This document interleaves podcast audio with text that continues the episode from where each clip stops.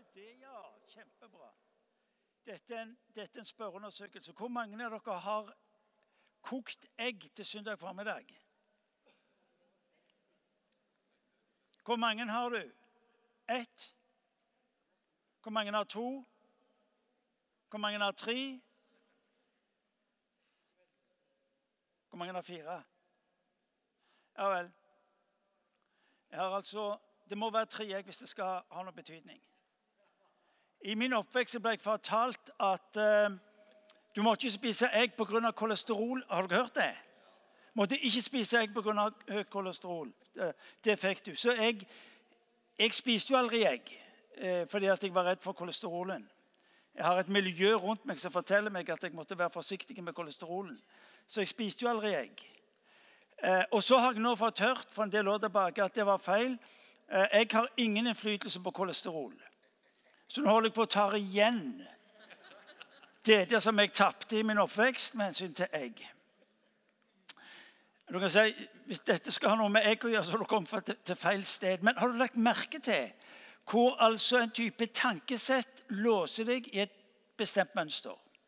Altså, Vi spiste jo aldri egg fordi noen hadde sagt. Livet til deg og meg er veldig ofte et resultat av at noen har sagt.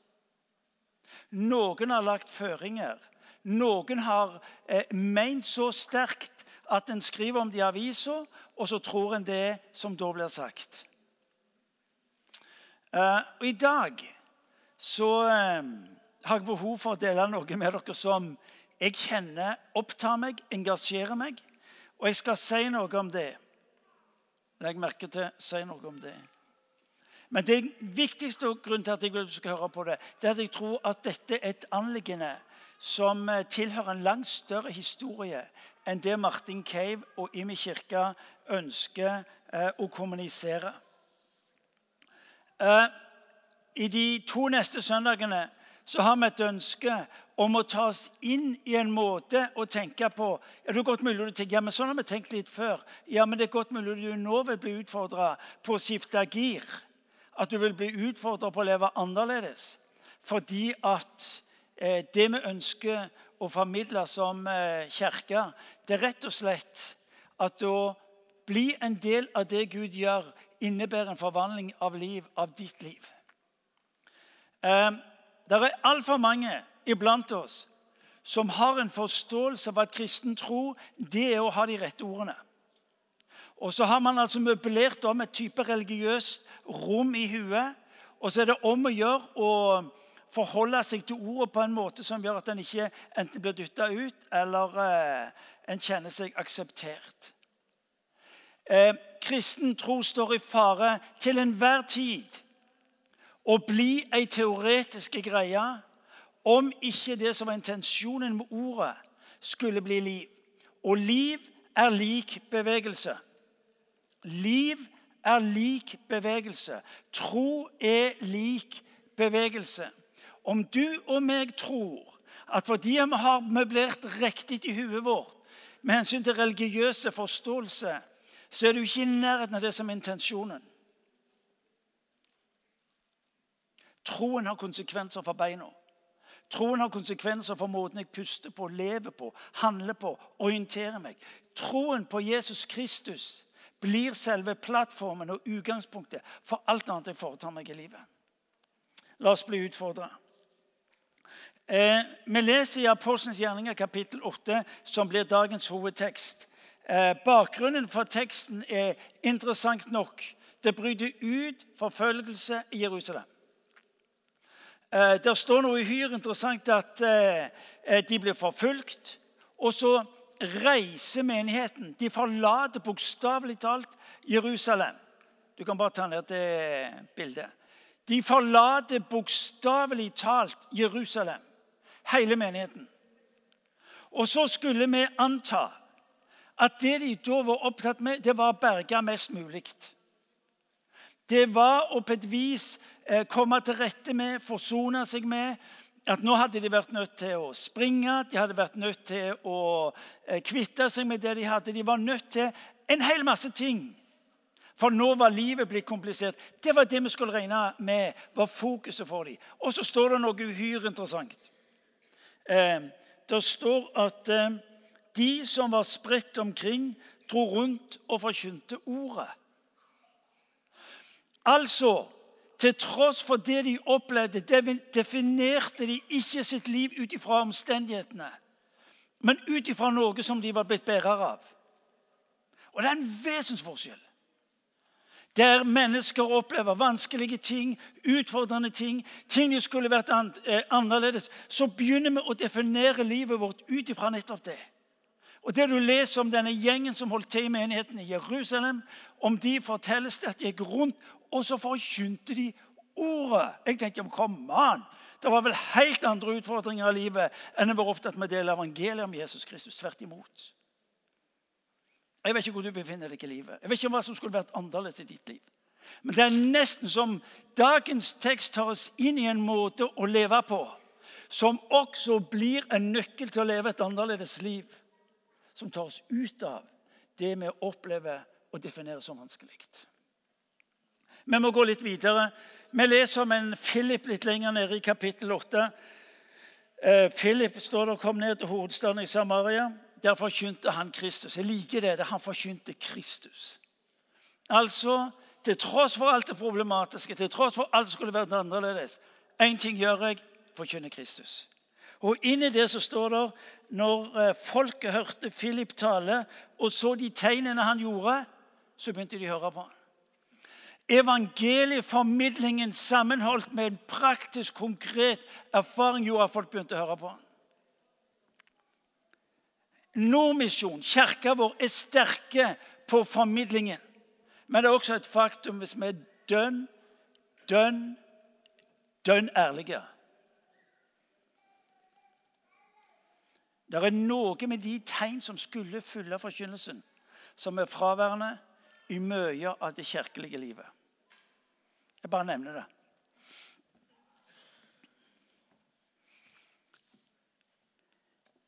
Folk i Samaria stoppet ofte. Hva er det som skjer? Hva betyr dette her? Hva er det med denne Philip? Hva er det med denne Jesus? Og så ble folket dratt inn i, og så opplever de at noe skjer mellom dem. Og så står det det ble stor glede der i byen i vers 8. Jesus was the talk of the town står det i en engelsk oversettelse. Jesus was the talk of the town. Fordi ordet om denne Jesus og de gjerninger som fulgte ved troen på han, overbeviste folket om at Jesus var Gud. Så, midt i det store som skjer der, opplever Philip at Gud taler til ham. Det står noe om at en engel fra Herren talte til Philip og så sa 'gjør deg klar'. Kort fortalt Philip, nå må du flytte på deg. Nå må du dra til et sted hvor eh, det er noen jeg vil du skal møte. Jeg vil du skal treffe ett menneske konkret. Og det er godt mulig Philip tenkte ha-ha. Dette er jo litt snudd på hodet. Her skjer det jo mye. Her er det jo virkelig vekkelse. Her er det bevegelse. Og så ble jeg fortalt å dra til et annet sted, og så er vi inne i beretningen. En engel fra Herren talte til Philip og sa, 'Gjør deg klar og dra sørover på veien til Jerusalem, til Gaza.' Dette er en øde strekning, altså ikke et sted for de store massene og mye som skjedde. Philip gjorde seg i stand og dro av sted. Han fikk se en etiopisk hoffmann, en høy embetsmann som hadde tilsyn med skattkammeret hos Kandake, dronningen i Etiopia. Han hadde vært i Jerusalem for å tilbe. Nå var han på vei hjem og satt i vognen sin og leste fra profeten Jesaja. Da så ånden til Philip, gå bort til vognen og hold deg tett opp til den. Philip sprang bort, og da han hørte at han leste fra profeten Jesaja, spurte han, forstår du det du leser. Hvordan skulle jeg kunne forstå, eh, sa han, når ingen forklarer det for meg. Så ba han Philip komme opp i vognen og satte seg ved siden av ham. Det stykket i Skriften han hadde holdt på å lese, var dette lik en sau som føres bort for å slaktes. Lik et lam som tier når det klippes, åpnet han ikke sin munn. Da han var fornedret, ble dommen over ham opphevet. Hvem kan fortelle om hans ett? For, hans liv, for hans liv er tatt bort fra jorden. Hoffmannen sa da til Philip, si meg, hvem er det profeten taler om her? Er det om seg selv eller om en annen? Da tok Philip til orde. Han begynte med dette skriftstedet og forkynte evangeliet om Jesus Kristus. Mens de kjørte langs veien, kom de til et sted hvor det var vann, og hoffmannen sa, Se, her er vann, er det til hinder for at jeg blir døpt? Philip svarte, Hvis du tror av hele ditt hjerte, kan det skje. Da sa han, Jeg tror at Jesus Kristus er Guds sønn. Så lot han vognen stanse. De steg ned i vannet, både Philip og hoffmannen, og Philip døpte han. Amen. Altså Bare denne teksten er jo vanvittig spennende, men jeg, jeg kan ikke gå mer inn i den. Annet enn at den gir oss, gir oss et møte med en Gud som er opptatt med noe utover det som i øyeblikket synes å være det viktigste stedet jeg er på. Gud gjennom denne teksten forteller og formidler at det er mennesker han ser, eh, byer og land som han ser, som han ønsker å berøre med sitt liv og med sitt ord.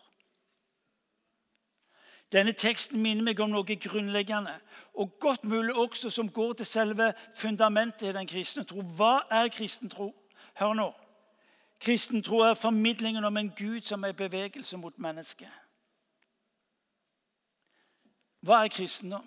Kristendom er formidlingen om en Gud som er vei, som er i bevegelse mot mennesket, som er i bevegelse mot deg og mot meg.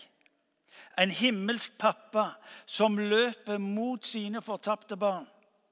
Når Jesus dør på korset, så roper det ut én ting 'Jeg elsker deg'. Når Jesus dør på korset, så er det ett rop fra den hendelsen, og det er 'Jeg elsker deg'. Vi kan snakke om synd som blir tilgitt. Vi kan snakke om smerte, utholdelig smerte. Vi kan snakke om urettferdig, vi kan snakke om en hel masse ting som knyttes til korset. Men korset har i sitt vesen og i sitt innhold ett hovedbudskap, og det er 'Jeg elsker deg'. Og Når du blir i tvil på livet, når du blir i tvil på deg sjøl og omstendighetene, så er det ett rop som ropes mot mennesket, og det er 'Jeg elsker deg'. Hør nå godt etter. Gud er ikke imot deg. Hvis du spør det norske folket, hvis du går til enkeltmennesker, så vil de fleste si vet du hva de sier som ikke har forhold til kirke og bedehus? De sier 'jeg passer ikke inn'. Og Hvorfor passer de ikke inn? Jo, fordi de, det er ting ved livet de som ikke holder mål. Ergo Gud er ikke fornøyd med dem. Gud er imot dem. Kirka har et budskap. Ett budskap. Alt annet renner fra det. Det er at Gud er ikke lenger imot deg. Johannes 3, 16. For så høyt har Gud elska verden. Derfor dør Jesus på korset. Hør nå godt etter, også du som har levd med Gud i mange år. Det Gud hadde mot deg, det fanga Jesus opp. Det Gud hadde mot deg, det fanga Jesus opp. Alle mennesker ble født inn i denne verden med et grunnleggende problem, nemlig synd. Og Da snakker vi ikke om kosmetiske ting, skavanker, ting som kunne vært annerledes. Ditt og mitt problem er ikke primært i utgangspunktet hva vi gjør, men hvem vi er. Synd er bare en konsekvens av hvem du er, nemlig en synder. Du blir ikke en synder fordi du synder, men du synder fordi du er en synder. Produsere. Der vi har retta søkelyset og slår ned på ting vi gjør, er det som om Bibelen ønsker å fortelle oss én ting. Hør nå. Ditt hovedproblem er ikke hva du gjør, men hvem du er. En ting til. Mange mennesker har problemer med tanken om en Gud som dømmer mennesker til helvete. Gud dømmer egentlig ingen, for den dommen har han en gang utført for alltid på Jesus Kristus når han henger på korset. Hører du hva jeg sier?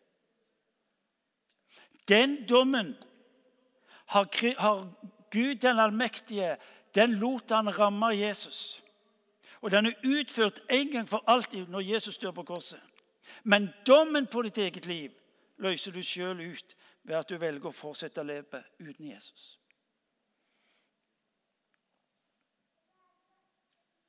Den dommen som hvilte over mennesket, lot Gud treffe Jesus. Hvis et menneske velger å si nei til Jesus, løser det ut dommen i sitt eget liv. Frelse ta imot det Jesus gjorde for deg på korset. Så la Gud få lov til å være Gud i ditt liv.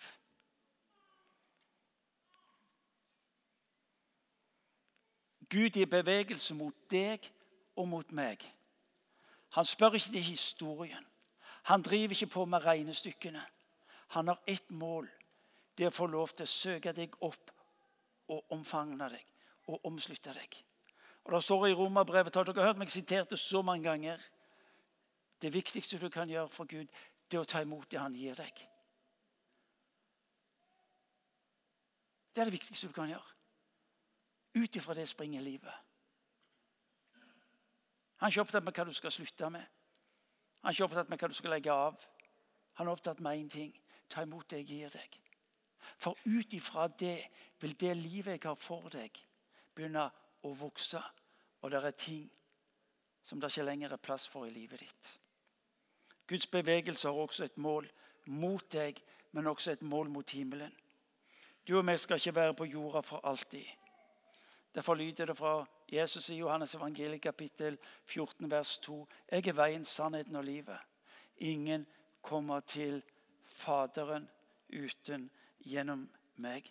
Dette er det jeg vil du skal ha som bakteppe når vi nå snakker om en ny serie om å være i bevegelse. Hvorfor bevegelse? Hvorfor er det avgjørende at ditt og mitt liv får lov til å være et liv som er i bevegelse? Jo, fordi Gud er bevegelse. Fra begynnelsen av. Når han skaper lys, så stopper ikke lyset til 14 dager. Det stopper ikke etter eh, når døgnet har kommet så langt at mørket naturlig kommer inn. Når Gud skaper lys, så fortsetter det å rulle. Det fortsetter å være i bevegelse. Når Gud skaper liv, så fortsetter det å leve. Gud er ikke statisk. Alt han skaper, settes inn i dette bevegelsesmønsteret. Når Gud skaper, så setter han i gang en bevegelse. Når han sier til Abraham vet du hva, 'Jeg velsigner deg fordi at du skal være til velsignelse', og så skal det rulle og gå. Når han sier til, eh, gjennom Skriften, gjennom ulike hendelser, så setter han i gang en bevegelse. Det er naturstridig å være en kristen og ikke være i bevegelse. Men det starter med Gud. Tre enkle linjer. Én. Først Gud er i bevegelse mot deg. Det er evangeliet det er det som er summen av denne Bibelen. Det er at du skal få tak i Gud er i bevegelse mot deg. Kristendom, kristen tro, er budskapet om en Gud som er i bevegelse mot deg. Guds hjerte synliggjøres ekstremt på korset. Orienteringspunktet for å starte på nytt er korset. Når du ser korset, så kan du på den ene sida se et domsverktøy. Et straffeverktøy. Eller du kan se et sted hvor Gud åpenbarer at det er ingen rammer for hans kjærlighet til deg og til meg. Du leser i Hoseas i Gamle Testamentet, kapittel 11, leser du i vers 8. Israelsfolket som Altså, de er kontinuerlig, nesten konsekvent ulydige. Oppgjør eh, og blåse av Gud. Og så står det i kapittel 11, vers 8 så står det, Men hør, hør jeg frem. Hvordan kan jeg vende deg ryggen? Hvordan kan jeg forlate deg? Og så står det mitt hjerte vender seg i smerte. Derfor kan jeg ikke glemme deg. Uansett hvor du befinner deg i livet, så forteller evangeliet og Guds ord én ting. Jeg leide deg opp. Uansett hva som er livet ditt, jeg leide deg opp. Uansett hva du har på din CV, jeg leide deg opp for at du skal vite at hjertet mitt brenner for deg. Matteus 11, 28. Kom til meg, dere som strever, alle dere som strever og bærer tunge byrder, og jeg vil gi dere hvile.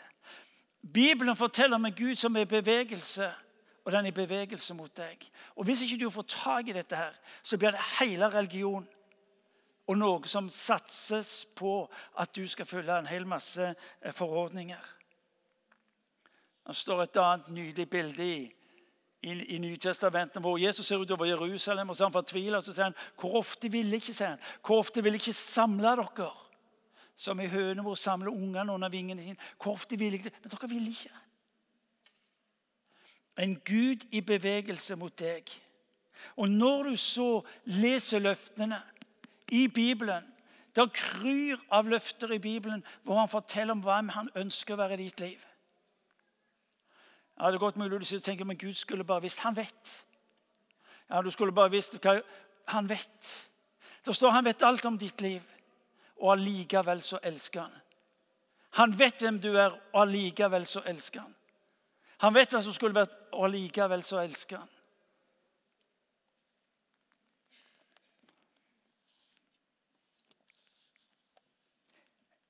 Gud er i bevegelse mot deg. Bare godhet og miskunn skal etterjage meg. Bare nåde skal etterjage meg. Bare hans visdom skal etterjage meg. Nå skal du høre Hvis du bekjenner din fattigdom, så er det vantro. Hvis du eh, bekjenner hvem du er av hensyn til svakhet og mangler, så er det vantro. For hvem i all verden taler sant om sin status hvis Gud står foran og sier 'alt mitt er ditt'? Bruk det. Er dere med meg? Fem stykker nikker. Flott. Dere andre? Det er jo dette som gjør kristendom så totalt annerledes enn religion. Er dere med meg? Jo, derfor jeg i min alder med den lange livserfaringen. Det er dette som gjør det sterkeste inntrykk på meg man skal få lov til å være en kristen. Det er vissheten om en Gud som alltid har bevegelse mot meg, og som har som mål å fullføre den hensikten han hadde med å skape mitt liv.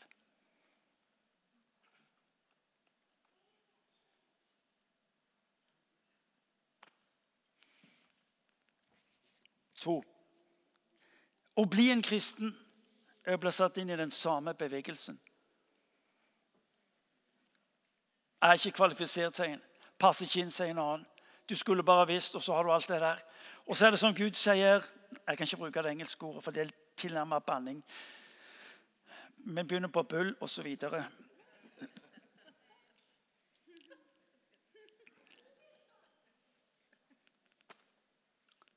Hva vil det si å bli en kristen? Møblere det religiøse rommet i huet? Sørge for å gjøre de rette tingene? Eller bli en del av det Gud holder på med? Bli en del av det Gud holder på med. Halloen! For en forskjell! Å passe seg for alt som jeg ikke skal, osv.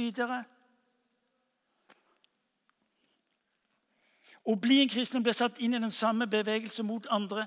Den hellige ånd er en misjonerende ånd. Kan du se for deg bildet av Den hellige ånd inni deg som stadig vekk driver på? Har dere fantasi til å se det? Dere sitter på TV og sånn. Plutselig sånn noen som vil dra deg en vei. og du. Den hellige ånd er misjonerende ånd. Hva sa du? Amen. Hvor er pinnsvennene blitt av? Må, dere må trø til med lutheranere. Vi er litt sånn satt i stilen, så, så du har, Hvis du ikke overdriver, da. Du er kalt til noe langt mer enn å gjennomføre. Er du kristelig? Ja. ja.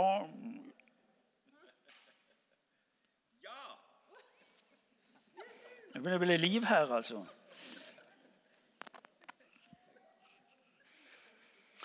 Det er naturstridig å stoppe opp.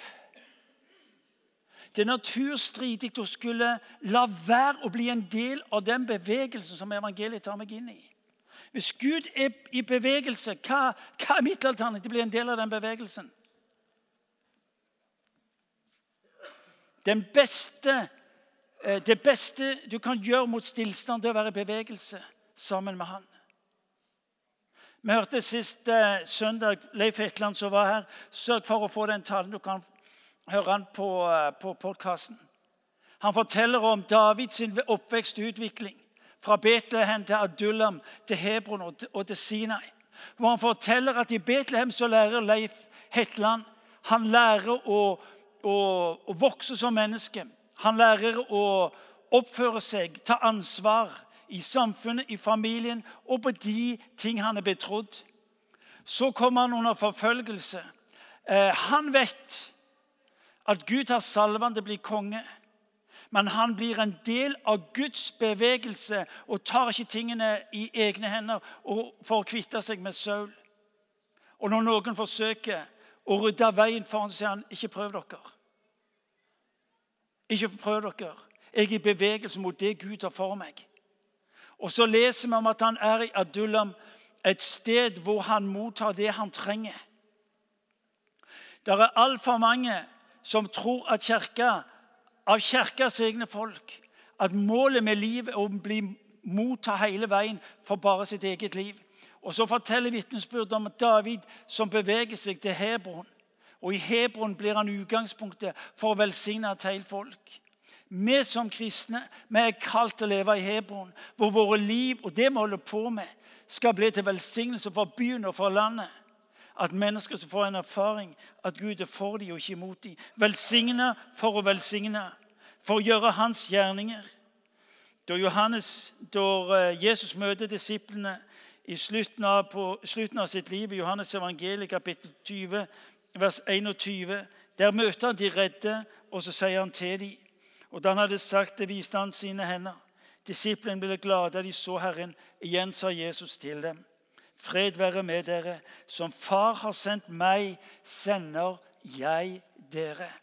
I det øyeblikket du blir en kristen, blir du del av en sendelse, av en bevegelse.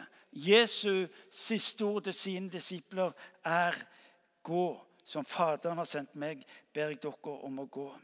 Og la meg få si når du og vi beveger oss mot andre mennesker, så er det ikke en verving eller en rekruttering til den kristne troen, men til fred med Gud Fader ved Jesus Kristus. Når Jesus møter disiplene sine etter nederlaget, så møter han dem med fred. Og Når han så skal sende dem ut, så sier han, 'Fred være med dere.' Som Faderen har sendt meg, sender jeg dere. Med den fred som dere nå møter, erfarer på deres egne liv, det er den dere skal ta med dere videre. Kirka har aldri hatt som oppgave å rekruttere.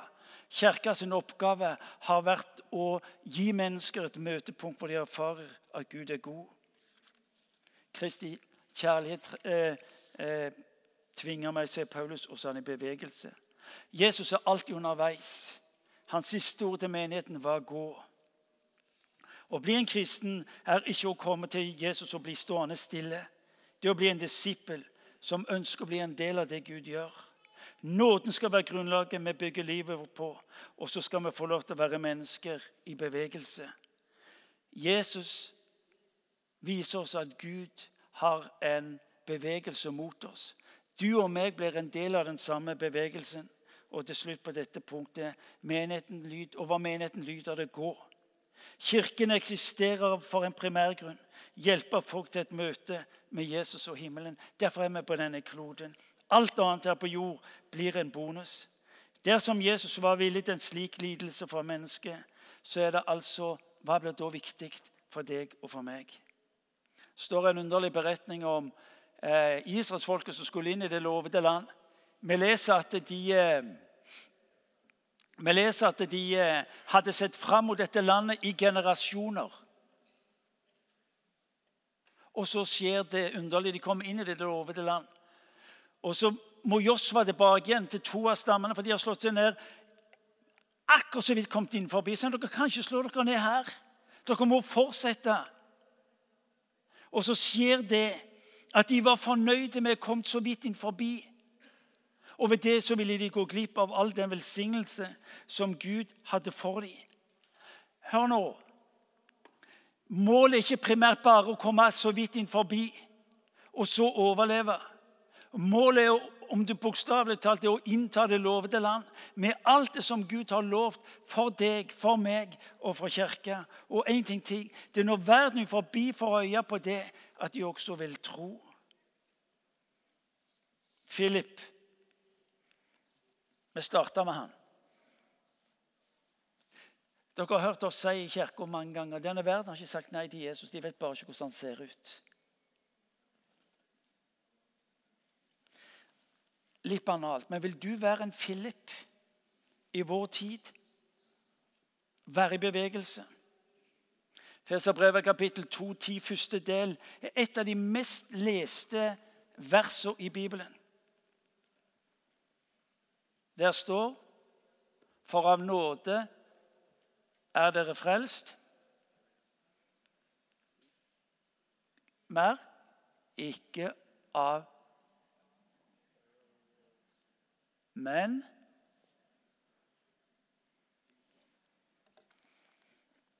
Kan dere slå opp i Bibelen? Det står til og med i Bibelen Hjelp oss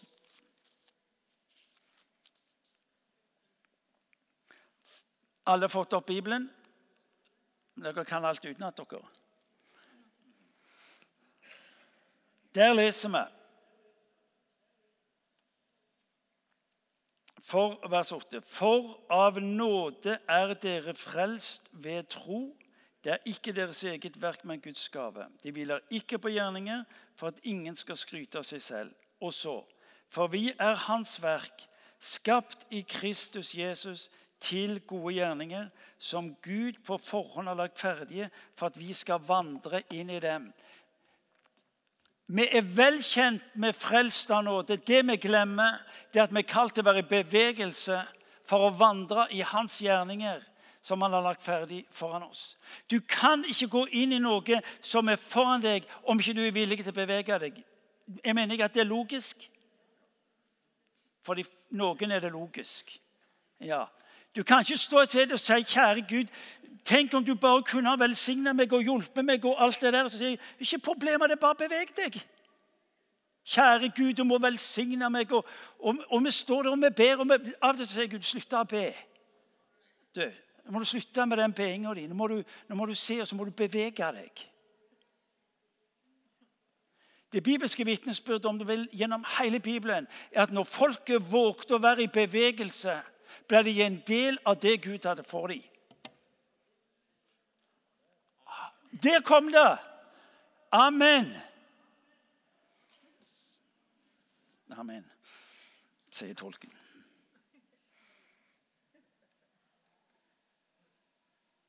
Tro er lik bevegelse. Tro er lik bevegelse. Som kroppen min. Uten bevegelse så stivner kroppen min til. Sammen med troen. En tro uten bevegelse blir stiv, lite tilpasningsdyktig, selvopptatt, kritisk. You name it. Så Her kommer utfordringen. Hvordan? Vi ønsker i menigheten å skifte gir, vi ønsker å skifte fokus og utvide sirkelen. På to måter ved menighetsplanting og med teamturer. Dette er bakteppet. En Gud i bevegelse. Du i, i hans bevegelse. En kirke som er kalt til å være i bevegelse, slik at mennesker skal få Guds godhet. Elling skal neste søndag si enda mer konkret om dette som har menighetsplanting å gjøre. Men menighetsplanting betyr i realiteten at noen fra menigheten vil bryte opp og flytte til et annet sted og bety en forskjell på det stedet. Hvordan i verden kan du forvente at mennesker bryter opp når de har det trygt, de lever bra, de har en god jobb, ungene har det osv.? Jo, fordi de ønsker å bli en del av den bevegelsen som Guds rike representerer i denne verden. Imi Tananger er et slikt et sted hvor mennesker flytter til. Hvor mennesker sier vet du hva, vi vil bety en forskjell. Og så er Imi Tananger en virkelighet. Vårt mål som menighet er å gå til de områdene omkring Stavanger. Og La meg nevne det konkret. Sandnes, Randaberg, Sola, andre steder. Vi ønsker å se flere satellitter etableres i disse områdene. Fordi all forskning viser at der hvor vi planter satellitter menigheter, der skjer det en betydelig vekst på et helt annet nivå. Vi er kalt til å bety en forskjell i disse områdene. Og Det samme er det vi vil se for oss i Europa, Asia og andre steder på kloden. Menighetsplanting. Men det skal Elling ta videre neste søndag. Men det andre vi ønsker, som alle dere som er her inne kan være med på fra i dag av, det er nemlig team. I dag er Imi kirke den situasjonen hvor vi inviteres til et stadig voksende antall menigheter i landet. Menigheter som er med i et nettverk som IMI driver, men også en mengde andre menigheter som tar telefon, sender mailer og spør kan dere sende et team til oss. Fordi at det livet dere har, vil vi gjerne få en smake på og erfare velsigne våre liv. Gud kaller oss til å gi videre det han har velsigna våre liv med. Og vi ønsker, vi ønsker nå på en helt annen måte enn tidligere å reise ut. Elling, jeg og andre i stab blir invitert til å komme og tale. Det vi nå ønsker, det er rett og slett å se menigheten begynne å reise. Forstår dere meg? Vi ønsker å se menigheten representere disse teamene som reiser ut. Fordi vi kan ikke la være å være en del av den bevegelsen som Gud representerer. Stab, medlemmer i menigheten, gi videre, velsigne videre. Og det vi opplever, det er jo at når vi har vært ute på team, hatt med oss folk fra menigheten, så er det en begeistring og entusiasme for de som har vært med. For det første så gjør de helt nye erfaringer med Jesus der ute. For det andre så gir de, de en takknemlighet når de oppdager hva de har her hjemme i eget hus. Og så er det en frimodiggjøring på å leve ut dette i hverdagen når de kommer hjem. Vitnesbyrdet fra teamdeltakerne, opplevelser, gudsnærvær er det vi hører om. Nye bilder av seg sjøl. Eh, holdninger endres. Vet du hva? Disse teamturene skal bli til en stor velsignelse for de stedene vi kommer til. Men hør nå. Det skal være med på også å forvandle ditt liv. Fordi du blir en del av en bevegelse som har konsekvenser i din hverdag. Vårt mål er å sende drøssevis med team til andre byer og tettsteder med det Gud har gitt oss. Som en Philip, Elling, Kjetil og Kristian til Grimstad. Anne Kristin Leveva og Janne Marit til Alta. Eh, vi ønsker å utfordre dere til å sette av to til tre helger i året Sjåfører Jeg kan ikke synge en sang. Kan du kjøre bil? Ja. Bra, du er på laget. Ja, jeg kan ikke kjøre bil. Kan du bære? Jeg kan bære. Ok, da bærer du. Vitnesbyrd, bønner. Vi vil være med å be, vi vil være med å samtale, vi vil være med å undervise. Vi vil ha seminar, vi vil synge ja, sammen med andre. da. Enkelte team kanskje danse. Det kan bli interessant. Vi hadde besøk av et team fra en menighet som har veldig mye med å gjøre. Og De skulle òg danse israelsk runddans. Det var nok mer til humor enn det var til oppbyggelse. Poenget er at når vi sender ut team, så sender vi ut team reiser ikke alene. Men nettopp den helgas erfaring er med på å berike. Vi skal gi videre det livet Gud har velsigna oss med. Og så skal Grimstad misjonsmenighet og disse andre menighetene få lov til å stå som uttrykk for de mange menighetene som ber oss om å komme og være med og velsigne. Vet du hva? Skal vi lykkes med det, så snakker jeg om dere. Vil dere sette av de helgene, være med og velsigne? Vil dere være med og komme i en helt ny type bevegelse? som gjør at mennesker og menigheter forvandles. Og like så viktig